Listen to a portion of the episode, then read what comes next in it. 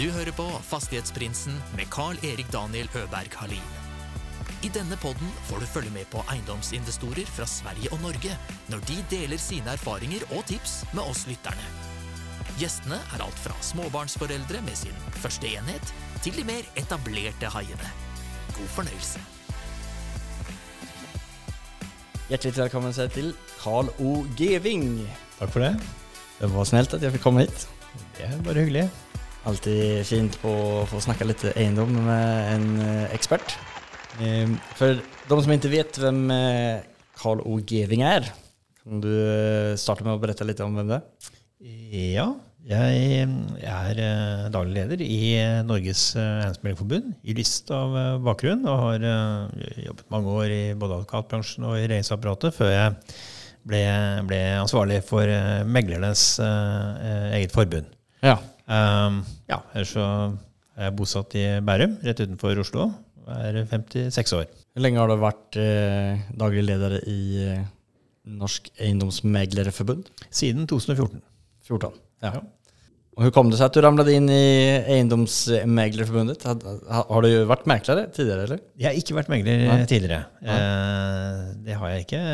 Nei, det var jo litt eh, tilfeldigheter. Det var en stilling som, som eh, ble ledig. og Jeg Mm. ble kontaktet av noen som eh, trodde jeg kanskje kunne ha noe å tilføre. Og Ja. så ble det en prosess for å finne ut om dette var noe jeg eh, ville. Eh, det var en bransje jeg ikke kjente, annet enn at jeg har kjøpt og solgt bolig noen ganger. Okay. Og brukt eiendomsmegler. Ja. Eh, men sånn ble det, og siden så har jeg vært her i mange år og trives veldig godt med, med dette. Det er jo et, eh, et marked som betyr mye for eh, mange. Mm. Og eh, det er en veldig stor økonomi. Boligøkonomien er en veldig viktig del av norsk eh, økonomi. Mm. Eh, ikke minst fordi at i løpet av livet så eier altså over 90 av oss eh, en bolig. Är, det, er det statistikken i Norge? Ja, 90% av alle eier Til enhver sin tid er tallet 82 fordi, eh, fordi det er studenter og andre som, som, eh, som, som leier når de studerer. Men Ja. i løpet av livet så er det over 90% som, som, eh, som er eh, boligeiere. Det der er statistikk som jeg har forsøkt å få fram. For För det, jeg mener, och i hvert fall eh, har hørt og observert selv, at det er en, en liten skillnad på om man bare går over til Sverige. Der? är där. Vet- Har du nok hold på hvor det er? Ja. Sverige ligger vel nede på 60-tallet, så vidt jeg Ja, husker. husker. Ja. Danmark eh, rundt eh, nærmere 70. Mm. Så det er betydelig lavere eieralter og litt annen type eierstrukturer i, i Sverige og Danmark. Ja. I, I Norge så er det i prinsippet egentlig bare to eierformer for alle praksisformål. Det er altså selveier, og så er det andelseier. Ja. Men for alle praksisformål så, så er det det samme markedet. Mm. Man kjøper og selger bolig på, på, på samme måte. Eh, og eh, ja, nordmenn er opptatt av å eie sin bolig. Og, og våre medlemmer eh, formidler altså ikke mindre enn 98% av alle eh, boliger i Norge. Så, så det er nesten ingen som, som selger bolig uten eiendomsmegler. Og Nei. grunnen til det er jo at det er uh, mye på spill. Det er uh, viktig å ha alt på stell. Økonomisk, uh, juridisk. Og eiendomssalg er jo det er ikke soppsalg. Det er, det er eh, mye mer komplekst enn som så. Ja. så. Så det å bruke en proff er viktig, og det tar tid. Men 98, Så- 98. Så det er enda 2 procent som anvender noe annet. Hvilke Ja, all, och det- andra alternativ är det som man kan anvende då? Ja, de som eh, ikke bruker eiendomsmegler, er jo stort sett de som selger eh, boliger eh, i grisgrendte strøk, hvor, eh, hvor det er langt til nærmeste eiendomsmegler, og hvor verdien på boligen er så lav Ja. at man ikke tar seg råd til å kjøpe den tjenesten. Stort sett. Og så er det noen da som av prinsipp mener at man skal gjøre det selv, og bruker sånne selvhjelpstjenester eh, Ja. som jeg stort sett vil advare mot, fordi eh, de koster penger, de også, og, og da sitter du med all risikoen Når du er ändå inne på temaet, så var det några från, jeg la ut på Instagram, på Fastighetsprinsen eh, på Instagram eh, och ville ha litt tips på spørsmål eh, denne intervjuen. Ja. Det var et av eh, spørsmålene der, de her selvhjelpstjenestene eh, som fins. Eh, du advarer mot det. Hva er fordelene med å anvende en proffmekler mot å anvende dem Da? Ja, du kan jo begynne med den som skal kjøpe av deg, da. Ja. Eh, Vi vet jo at eh, veldig mange kjøpere blir veldig skeptiske hvis de ikke møter av en, møtes av en eh, profesjonell på visning og i salgsprosessen. Mm. Fordi at den som selger privat, eh, har jo ikke eh, armlengdes avstand, som det heter, til salget. Da er du eh, dypt involvert og har en personlig interesse i salget. Bruker du profesjonell, så skal, altså en, en eiendomsmegler er jo strengt regulert etter norsk lov, og skal faktisk ivareta uh, de økonomiske og juridiske interessene til begge parter. Også kjøpers interesser. Så nær som når det gjelder salgsprisen. Megler skal prøve å få best mulig pris, men innenfor uh, ryddige, ordentlige uh, juridiske og finansielle rammer. Så derfor så skaper man en større trygghet ved å bruke en proff. Og det andre er, jeg pleier å si at altså, det å få riktig pris, det, det handler jo om, eh, veldig ofte om økonomiske forhandlinger. Det er ikke sånn at det alltid er mange budgivere i, i eh, en salgsprosess. Ofte så tar det tid å finne den ene interesserte. Og det å forstå eh, hvilket marked man skal presentere et konkret eh, boligobjekt for, det er en viktig del av, av meglers rolle. Og det å, da å, å finne fram til, til potensielle interessenter, og så få i gang en interesse eh, som ender med et salg, det er eh, ofte en tidkrevende eh, prosess. Og så er det eh, en lang rekke juridiske fallgrubber ved et boligsalg. Eh, Blant annet så har selger et veldig stort juridisk ansvar, og det ble skjerpet fra 1.1.2021. eh, Hvor man har blitt enda mer avhengig av eh, gode rådgivere, både eiendomsmegler og bygningssakkyndig. Så, så det er mange grunner til at jeg vil eh, advare mot å, å gjøre dette selv. Og det er, det er ikke, faktisk ikke, det må du tro meg på, det er ikke primært fordi at jeg bare skal ivareta mine medlemmers interesser. Selvfølgelig har det en side til det, men, men det er rett og slett fordi at eh, jeg tror nedsiden økonomisk og juridisk er såpass betydelig eh, ved, ved et boligsalg som ikke gjennomføres eh, skikkelig ordentlig, og det er mange, mange fallgrupper, som sagt, at eh, prisen for å kjøpe den tjenesten, den er veldig lav. Ja. Og, og norske og svenske eiendomsmeglere er faktisk de billigste i verden, samtidig som vi er de best regulerte i verden. Og, og sannsynligvis har de med mest kompetanse i verden. Så, så det der er en no-brainer i Ja. min bok, da. Ja.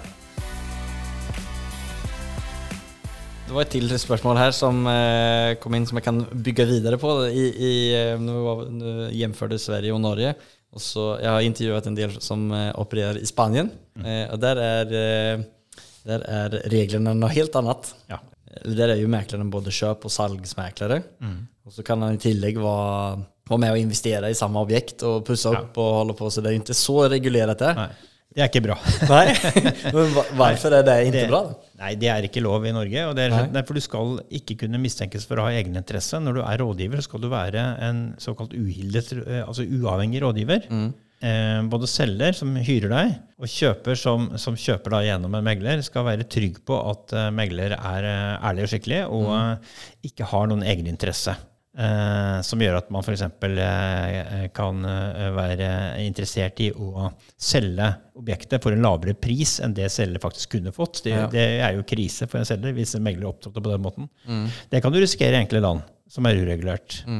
Selv om jeg, jeg skal ikke påstå at det er normen, men, men det risikerer du når man ikke har klare regler. Så nei, det er viktig. Det blir som med advokater også, det, og mange andre profesjoner.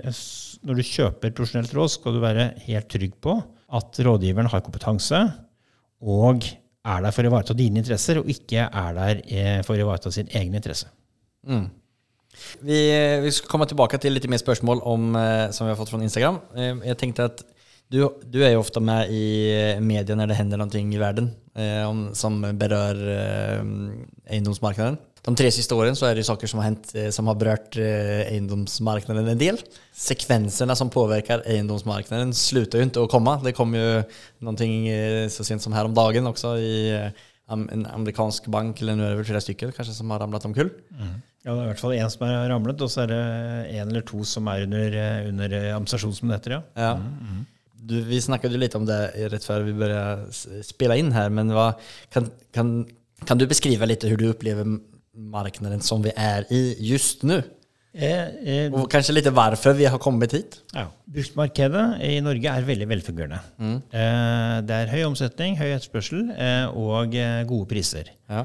Har, det, all- har det vært så liksom under pandemien og etter pandemien også, eller er det bare små sekvenser av Ja, det som skjedde eh, 12. mars eh, 2020, det, det var jo at eh, eh, alle ble veldig veldig nervøse over natten. Eh, og så startet jo Norges Bank med å, å ta ned renten. ja. Um, men så gikk det ikke så veldig mange. altså Omsetningen falt uh, 10 uh, den første måneden i, i mars, og så falt den litt mindre, 7,5% i april. Mens prisene gikk stort sett sidelengs. Uh, men så, det gikk ikke så veldig mange uker før, før eh, tryggheten begynte å komme tilbake til markedet. Og så fikk man da effekten av, av veldig lave renter. Eh, styringsrenten ble satt ned fra 1,5 til 0% i Norge mm. på bare fem uker. Så i mai eh, 2020 så begynte prisene å stige. Og da gikk det veldig veldig fort opp. Og det overrasket de fleste, fordi altså, den effekten var veldig sterk. Mm. Og så, For en lang historie kort, da. 2020 og 2021 ble rekordår i, norsk, i det norske boligmarkedet når mm. det kommer til omsetning. Mm. Aldri blitt omsatt så mange boliger som i 2020 og 2021. Henholdsvis 100 000 og 103 000 boliger i bruktmarkedet. Mm. Og også nyboligmarkedet fikk en boost høsten 2020, som varte et godt stykke inn i 2021 stor optimisme. Og, fyrt opp av renter og midlertidige lettelser på, på utlånskrav osv. Og, og så kom vi over i eh, 2022, eh, og, eller ja, 2021 eh, feidet vel egentlig ut prismessig som, som med en ganske normal prisutvikling. Så kom vi over i 2022, og så fikk vi plutselig en, en veldig sterk prisutvikling igjen de første fire månedene. Som nok hang litt sammen med at tilbudssiden eh, begynte å bli ganske tynn. Um, og det er ikke så rart, fordi etter to år med rekordomsetning eh, så, så, var det relativt lite boliger eh, igjen for omsetning. Uh, og da fikk du en ubalanse mellom tilbud og etterspørsel som gjorde at du fikk en pris, prisoppgang i begynnelsen av 2022. Men så begynte renten å stige, mm. så på høsten så fikk vi en korreksjon. Og det var helt naturlig. I, 20, I, 2022? Høsten 2022. Mm. I fjor, altså. Ja. Og den begynte jo i september. Eh, og varte i fire måneder. Um, en rentedrevet korreksjon i bruktmarkedet. Mm. Og deretter så, så, har nok mange forventet at eh, boligprisen skulle fortsette å falle i bruktmarkedet i Norge. Jeg har vært blant de som, som ikke har trodd på det. Um, og grunnen til det er at jeg har, har uh, sett sammenhengen mellom eh, brukt og nytt. Du kan si at I et normalår så skal det selges ca. 90 000 brukte boliger i Norge og rundt 30 000 nye boliger. Mm. Men når nyboligsalget stoppet helt opp, sånn som det gjorde eh, gjennom store deler av fjoråret, og særlig på høsten, og har fortsatt inn, inn eh, i 2023 Altså At nyboligsalget stoppet opp så som at det var ingen som kjøpte nyboliger, eller at det produseres ikke nyboliger? Salget stoppet mm. Eh, opp først pga. høye byggekostnader og høye finansieringskostnader for utbyggerne. Mm. Eh, og i tillegg høye finansieringskostnader for forbrukerne som skal kjøpe dette. her, ja. Så det ble rett og slett for dyrt. Ja. Og for stor usikkerhet. Ja. Eh, og da, eh, det som da skjer, er at eh, all etterspørsel, mer eller mindre all etterspørsel kanaliseres inn i bruktmarkedet. Ja. Og bruktmarkedet det, det, det har ennå er fortsatt ikke si, helt gjeninnhentet etter pandemien. Nei. Fortsatt relativt tynn uh, bruktside. Også, samtidig som presset på bruktmarkedet ble større som følge av et, et svakt fungerende nyboligmarked. Og Dermed så har vi også fått en en relativt sterk prisutvikling igjen i januar og februar mm. eh, i år. Og eh, mitt inntrykk er at dette kommer til å fortsatt, fortsette i, i, i, mars. I hvert fall når det gjelder omsetning, så er spørselen sterk. Eh, og jeg tror at de som forventer at norske boligpriser, eh, altså bruktpriser, skal falle mye gjennom 2023, jeg tror de tar feil. Eller for å si sånn, jeg tror de kommer til å bli overrasket. Jeg tror ikke vi kommer til å se noe dypt fall i norske boligpriser, eh, men en ganske normal utvikling gjennom året, til tross for at renta er såpass mye høyere enn den var eh, før pandemien.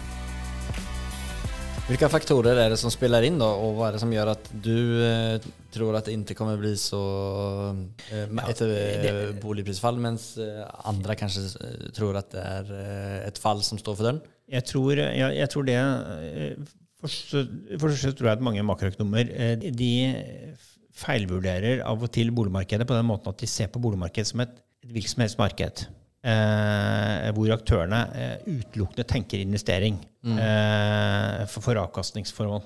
Eh, og så glemmer de at eh, for de aller fleste så er eh, en primærbolig det er noe helt annet. Ja. Det er hjemmet ditt. Og, og, og vel, nordmenn er veldig opptatt av å ha en god bolig, mm. bo bra, ha det fint, bruke penger på å pusse opp og det hele tatt. Og så har det selvfølgelig også en økonomisk side, fordi at det er en form for tvungen sparing. Fordi man låner jo for å finansiere kjøp av bolig. Eh, og så betaler man ned på lånet, og så bygger man egenkapital. Så det er sånn, I tillegg så har man en, en, form for eh, at man bygger egenkapital og bygger økonomi. Mm. Men det er ikke primærformålet med å kjøpe en bolig eh, for, for, å bo i. Og Derfor så tror jeg at man undervurderer det underliggende boligbehovet.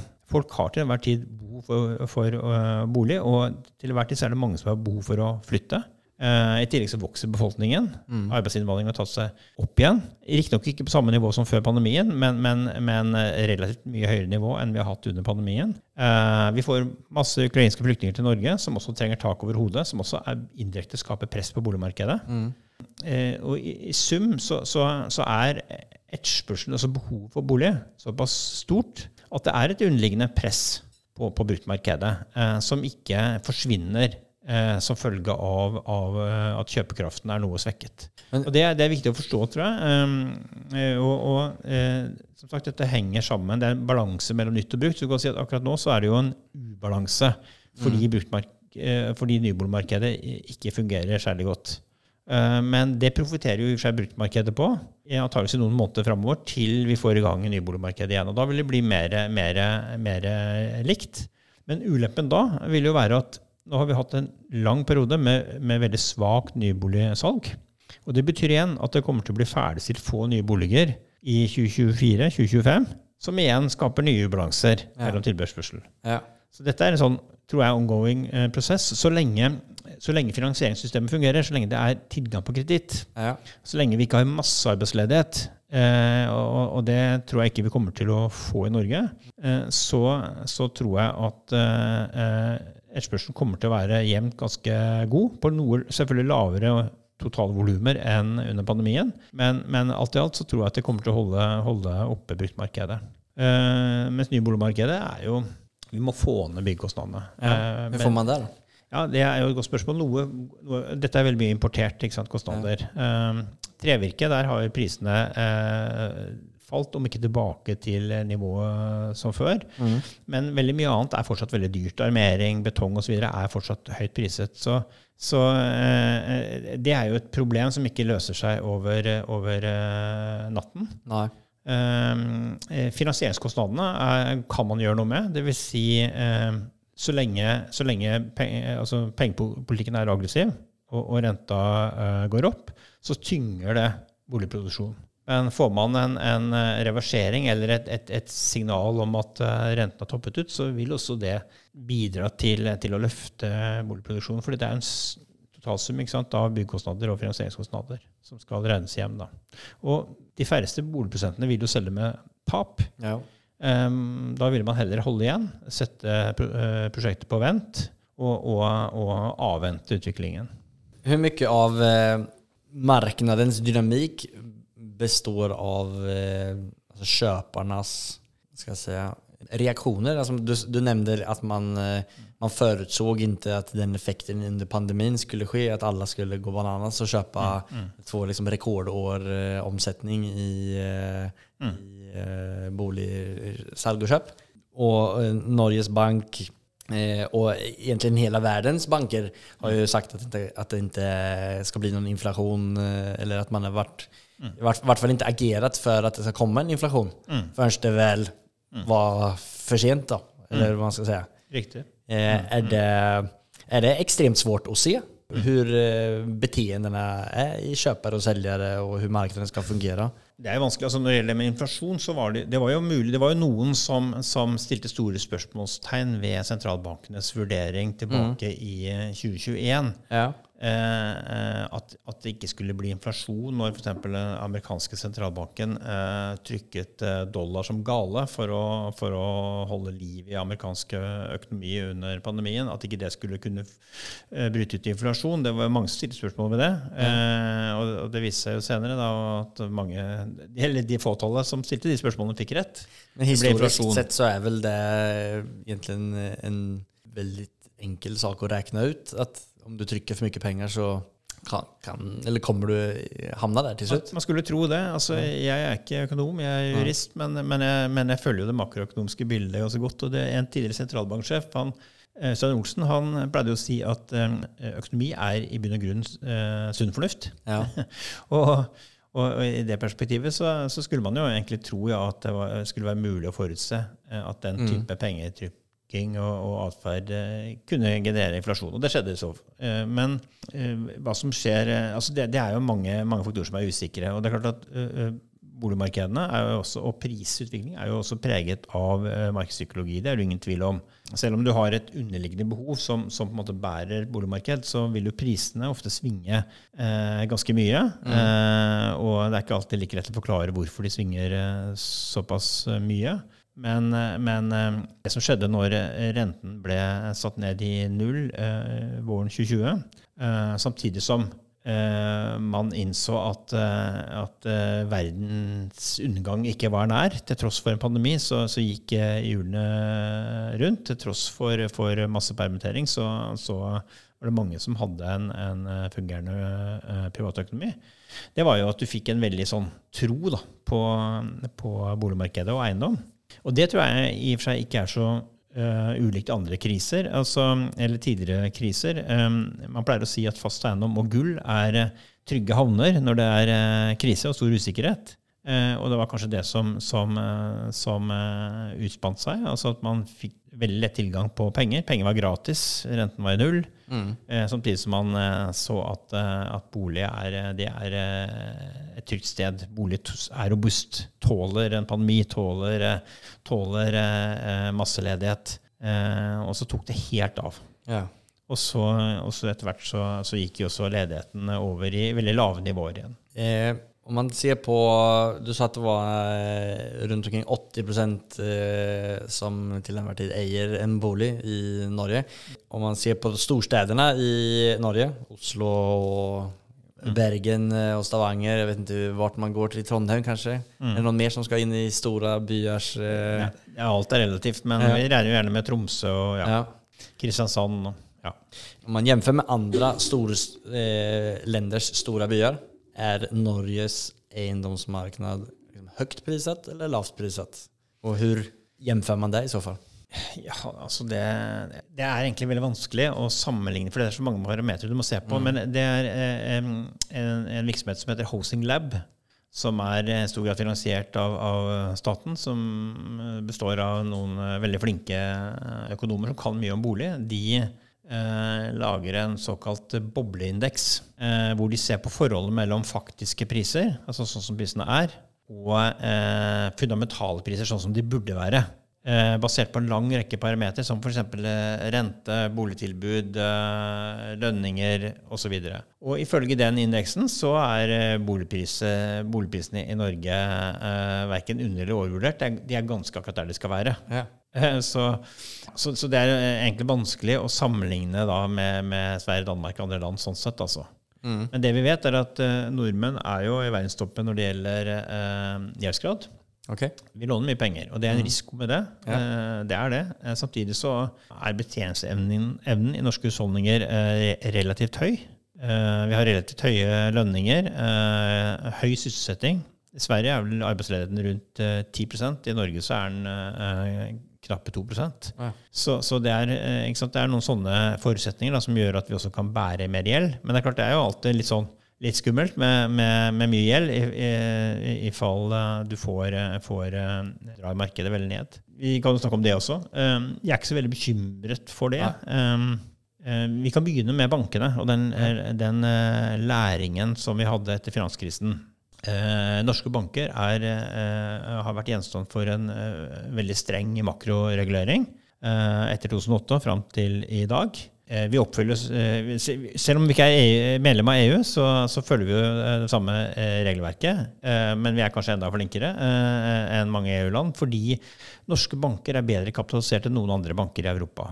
De har aldri, aldri hatt så mye egenkapital som de har nå. De er i høy grad likvide. Og de er underlagt strengere utlånsreguleringer enn de fleste land vi kan sammenligne oss med. Samtidig så har vi en sterk statsøkonomi. Dersom det røyner på, så, vil, staten kunne, kunne, trå til. Tror, samlet sett så tror jeg at bankene er såpass godt fundet at de er mer robuste enn veldig mange andre lands banker. Det er viktig. Uh, det har vi jo lært av historien, at det er uh, skummelt hvis bankene slipper for fri. derfor så har jo vi i Norges meglerforbund i mange år støttet en ganske streng utlånsregulering, for vi tror det er smart. Eh, fordi fordi eh, ingen er tjent med eh, at, eh, at eh, markedet tar altfor mye av, fordi da, da vil også fallhøyden bli mye større. Så, og så har vi utbyggere som stort sett ikke eh, stikker spaden i jorden før de har, eh, solgt, eh, har forhåndssalg på rundt 70 Mm.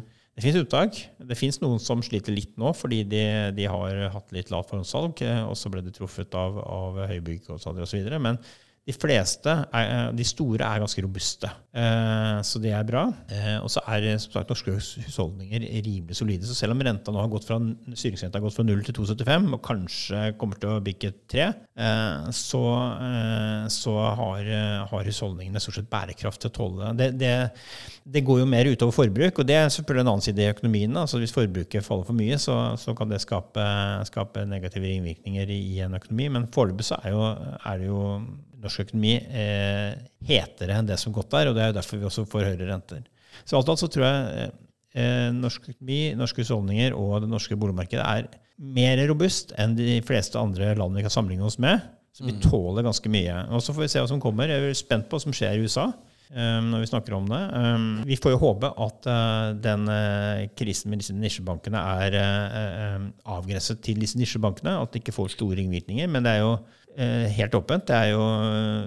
Det er typisk sånne, sånne sjokkøkonomien starter med at det kommer noen historier som man liksom leser litt sånn skrått. og ja, hva er dette liksom? Ja, dette er vel ikke, kanskje ikke så alvorlig. Og så går det noen dager, så plutselig så bang, så er det en stor sak. Det kan jo være at dette er starten på noe mye større. En bankkrise, en finanskrise. Og da vil jo den også nå Norge på et eller annet tidspunkt. I en global verden så vil, vil alltid ting også nå oss. Eh, Men eh, for, for å korte den historien, så tror jeg at vi kommer til igjen, så tror jeg vi kommer til å være annerledeslandet. Vi kommer til å tåle mer enn andre land, rett og slett fordi at vi er bedre forberedt.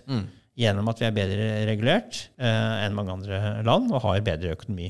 Alt i alt så er jeg ganske optimistisk på, på vegne av, av boligmarkedet. Jeg tror bruktmarkedet som sagt, kommer til å fungere godt gjennom året. Ikke bekymret for at vi får noe dypt fall. Nei. Og om det faller litt på våren, det, så er det normalt. Men, men noe dypt fall, sånn 10% ish, det har jeg ingen tro på.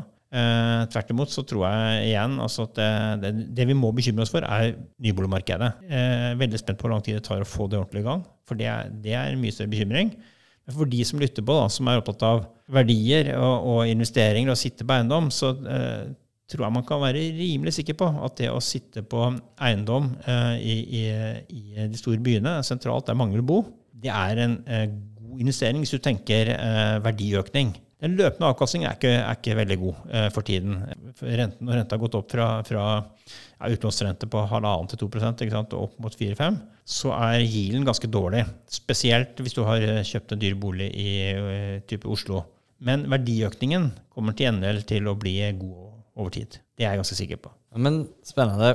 Og noen av spørsmålene fra från Instagram. jeg kan ta Mathias eh, fra Matu Eindum. Eh, han spør om eh, man kan se at både köparna og säljarna, om det har påverkat deres beteende. Eh, denne här pandemin och allt som har vært med, eh, varit nu de siste ti- egentlig. åren egentligen. Eh, og där vi er inne i nå, da. Altså, du sier jo at du tolker det som at det ändå er et eh, fungerende mar- marked, marknad och det merker de også. De kjøper og selger ganske mye eiendommer i eh, Oslo og de ser at det er mycket, mycket folk på visning. Men er det for at man har gått ned et hakk, tror ni? Eller har ni sett noen sånne tendenser? Hva, vad, vad det er som gjør at det er eh, fortfarande mye driv i, eh, i marknaden? Altså Et element er jo at denne utlånsforskriften ble jo justert. da, Den såkalte rente-CCS-en ble justert fra nyttår. eh, slik at du må tåle 3 renteheving fra det, det utgangspunktet du låner på. Tidligere var det 5 Det har nok gjort at en del med lavere inntekt har eh, litt fått litt mer kjøpekraft. Ja. Uh, men men det, det var jo nødvendig fordi at den ble på en måte litt dysfunksjonell, den, den regelen, på et tidspunkt. Uh, Men uh, altså, det har vært forsket litt på det, om hvorvidt folk uh, f.eks. i større grad bosetter seg utenfor byene. Ja. Pga. Uh, mulighet for hjemmekontor osv. Uh, I hvilken grad folk eh, eh, kjøper større, prøver å kjøpe større bolig for å, for, nettopp for å kunne ha hjemmekontor. Men det er ikke noen veldig konsistente resultater uh, på det. Eh, og Oslo var jo på en måte litt, litt annerledes enn mange andre eh, storbyer eh, ute i verden. Eh, eh, altså lik på den måten at Oslo ble stengt ned. Men ulik på den måten at eh, så snart eh, man åpnet eh, portene til byen, så, så strømmet folk tilbake. Ja. Eh, og eh, interessen for å kjøpe bolig i Oslo har jo ikke avtatt. Men, men det er klart, i Oslo så, man er jo mer rente- og prisfølsom eh, unge mennesker som, som, eh, som ikke har fryktelig egenkapital, er mer rente- og prisfølsomme i Oslo. Det er ikke noen tvil om det. Så at det på, kan i noen grad kanskje påvirke type objekter man har råd til å by på, ja. Men foreløpig så har vi ikke noe Nei. Jeg kan ikke si at vi har noen klare indikasjoner. Eh, Det eneste jeg kan si, det er at bruktmarkedet fungerer eh, for tiden veldig godt. Jeg, men jeg tror at eh, også noe av forklaringen som sagt, er at um, totalvolumet etterspørsel er jo noe ned pga. dette forholdet mellom nytt og brukt. Men, men eh, du kan si restetterspørselen og restkjøpekraften den er, er, er mer enn god nok til å, til å holde bra trøkk i dette markedet. Det, det, er- det er vår opplevelse av det. da. Ja. Og så så vi det vi så da, Vi fører jo eh, denne førstegangskjøperstatistikken hvor vi teller hver eneste førstegangskjøper. Og vi, vi så i første kvartal i fjor så, så vi at eh, eh, antall omsetninger blant førstegangskjøpere falt med 10% sånn over natten. Og det holdt seg gjennom, gjennom året. Så det fortsatt å, å falle Ja, det falt litt mer på, på slutten av året. Så førstegangskjøpere har hatt et ganske tungt år Ja. i fjor. Og det henger nok sammen med at førstegangskjøpere er spesielt rente- og prisfølsomme. Og eh, de ble jo rammet først av en prisøkning i Q1 2022, samtidig som renta begynte å stige. Og renta eh, treffer førstegangskjøperne eh, før den treffer de etablerte. For de etablerte eh, de, de, de har jo utgangspunktet før pandemien vært vant til mye høyere rente. Så, så det forklarer nok noe av hvorfor førstegangskjøperne har, har uh, tapt litt terreng. Og så har vi jo ikke tall for, eh, for de to første månedene i år. Nei. Eh, Men inntrykket er at førstegangskjøperne er noe mer aktive. Men jeg er litt spent på tallene når de kommer, for å se om hvem som vinner. da. Eh, Jeg mistenker jo at de etablerte eh, fortsatt er de som, som tar andeler i, i, i markedet. Og i Oslo så mistenker jeg også at eh, småinvestorene kommer til å være mer aktive og ta andeler. Også fordi at, at man nå kan, kan finansiere kjøp av sekundærbolig med bare 15% egenkapital. Det er også en endring. Har man sett vært at det har vært eh, Anekdotisk så, så får vi høre det, men jeg har ikke tall på det ennå. Så jeg vil ikke sette to streker under det. Men jeg, jeg tror at det kommer til å bli mer aktivitet da blant eh, investorene. Hur opplever man, altså, det er alltid mye snakk om uh, Oslo og stakkars bergenserne vil alltid uh, høre hur det er i deres marknader. Men hur är alltså, de andre byene og kanskje de timme, timme utanför Oslo eller utenfor storstedene, då? Hur är den marknaden? Eller får ni några inputs från det? Den inputen vi får, er at det er god aktivitet rundt i hele landet. I, I både små og store uh, byer. Eh, Og at sånn har det vært eh, stort sett siden eh, midten av, altså før jul. Så begynte det å skje noe. Så, så det er ikke stor forskjell, eh, egentlig. Eh, før, eller under pandemien, eh, så, så så vi jo en periode at du fikk en, en veldig, veldig økt etterspørsel i, i satellittbyer til Oslo. Altså helt ned til Fredrikstad og Tønsberg. Ja. Men det setter vi i sammenheng med at uh, etablerte folk, særlig når folk da får barn eller skal stifte familie osv., så, videre, så vil de jo gjerne ha litt mer plass. Og, og det er uh, et veldig dårlig marked for småhus i Oslo. Man får mye mer for pengene hvis man da flytter eh, ut av Oslo. Så, så det er en naturlig flyttetrend, egentlig, så, som man ser uavhengig av andre, andre trekk i økonomien. Mm. Et annet spørsmål som vi fikk inn fra eh, Håkon Midtun. Luckidebud. Ja. Er det noen ting som... eh, Eller kan du forklare, kan du forklare hva et lukket bud er i en eh, Ja. budrunde? Ja, det er når en eh, budgiver sier til eh, megler at megler får ikke lov til å formidle budet. Altså, han inngir budet, da, Ja. under forutsetning om at det ikke formidles eh, til andre budgivere. Ja. Altså et hemmelig bud. Ja. Uh, og det er jo en uting. Ja. uh, for det, det er jo, skaper jo uh, forvirring. Ja. Og det er jo egentlig unfair å forsøke å, å lure seg unna en konkurranse. Jag vet inte om han Så- spør om det för att han eh, har använt det själv och eh, ville höra Ja om det fortsatt eh, kommer vara lov til å gjøre det eller om han precis har åkt på en käftsmäll och förlorat en budgivning og ønsker at det skal bli ulovlig. Ikke sant? Neida, vi, vi har jo gått inn for at det skal bli ulovlig, rett og slett. Ja. Eh, og det er et samlet lovutvalg har gått inn for det. Eh, så, men det, nå ligger den saken i Finansdepartementet. Men jeg vil ikke bli overrasket om, eh, om, om departementet kommer til å ta det videre til Stortinget Ja. på et eller annet tidspunkt. Fordi hele vår eh, altså Vår transaksjonsmodell er basert på at det skal være Mm. åpen budrunde. Ja. Alle skal få muligheten da, til å konkurrere. Eh, fordi det er på, som regel da, på den måten du får eh, riktig pris som selger.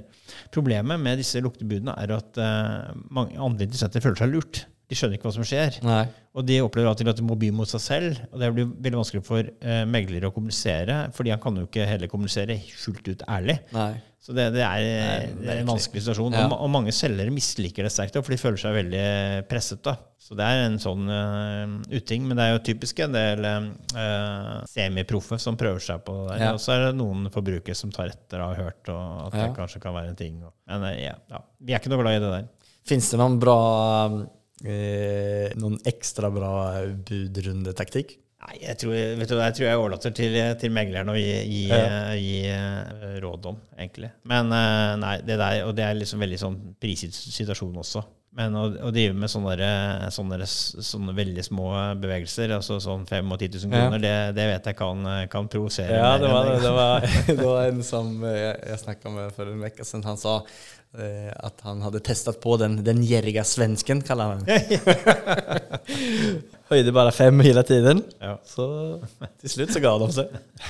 Nei, det er viktig, og det er viktig også når du kjøper. Du skal, skal jo helst også ha en fornøyd selger. Altså, Ja. Det er hyggeligst det, at, eh, Ja. at begge parter er eh, happy. Men det er klart at sel- eh, megler skal jo prøve å få deg til å betale mest mulig. Mm. Så jeg tror jeg overlater til meglerne. Ja. Det var bra. Jeg tykte det var et kul namn. För å summere litt, da, så opplever jeg ändå at det er en positiv eh, oppfatning fra din sida om marknaden. Den fungerer, eh, fungerar bra Og til trots for eh, makroøkonomiske eh, hendelser som sker rundt omkring oss. Den norske økonomien står sterk, og bankene er eh, sterke i Norge. Det er ändå en betryggende beskjed du, eller oppfattelse som du formidler her, syns tycker Eh, det noe mer som du vil si før vi begynner å runde av her? Nei, jeg kan jo ta den andre så for å måte eh, moderere litt, da. For ikke å skape sånn euforisme vi sitter. Men eh, altså, det, vi har jo hatt i Norge, så, som resten av verden, så har vi hatt 30 år med fallende renter, egentlig, Ja. i prinsippet. Og det, er Ja. det har vært en veldig viktig eh, forklaring på, på prisvekst. Ja. Vi har hatt nesten 30 år med prisvekst også, med bare noen korte intervaller hvor det har gått litt dippet da, før det går opp igjen. Og vi får jo ikke 30 år med, pris, med rentefall. Nei, nei. Så, men på den annen side så vil jo også eh, inntekter eh, øke, og, og behovet for bolig det, det blir ikke borte. Altså som, jeg, var oppe i Tromsø her om dagen og, og pratet med noen boligbyggere der. og Der hadde kommunen eh, gått og sagt at vi trenger 400 boliger til flyktninger fra Ukraina bare i 2023. Ja. Og eh, et normalt årsproduksjon i Tromsø er på 600 tror jeg, cirka boliger. Ja. Så det, det sier seg selv at da Og det tror jeg vil være eh, trening. Sant? At du, du vil over tid en høyere befolkning. Mm. Dermed så får du også et høyere boligbehov. Og så vil også boligbehovet bli høyere fordi at vi blir flere eldre i dette landet, og eldre har andre bolig, boligpreferanser enn yngre. Mm. I tillegg så viser statistikk også at stadig flere bor alene. Det, vil også, det øker jo boligbehovet når Mm. flere skal bo eh, i singelhusholdning. Så alt dette tilsier at etterspørselen kommer til å øke. Og da vil også bidra til at prisene kommer til å stige noe. Men det er klart, det begrenser seg, altså den voldsomme prisveksten vil jo begrense seg av at kjøpekraften ikke stiger like fort som den har gjort de siste 30 årene. Ja. Det tror jeg. Mm. Var en viss sånn edruelighet til dette, og, det, og, og, og, bra er det, men, men at det vil lønne seg å sitte på eiendom i, i eh, store norske byer i, inn i overskuelig framtid, det er jeg helt sikker på. Og så må man være langsiktig, da. For det Mm. kan jo komme ups and downs. Ja, det var fint, eh, fint, fin avrunding, det. Da får jeg si tusen takk til deg, dig Carl. og så får jeg slippe deg videre till eh, det du holder på med til daglig. Takk for praten. Takk själv.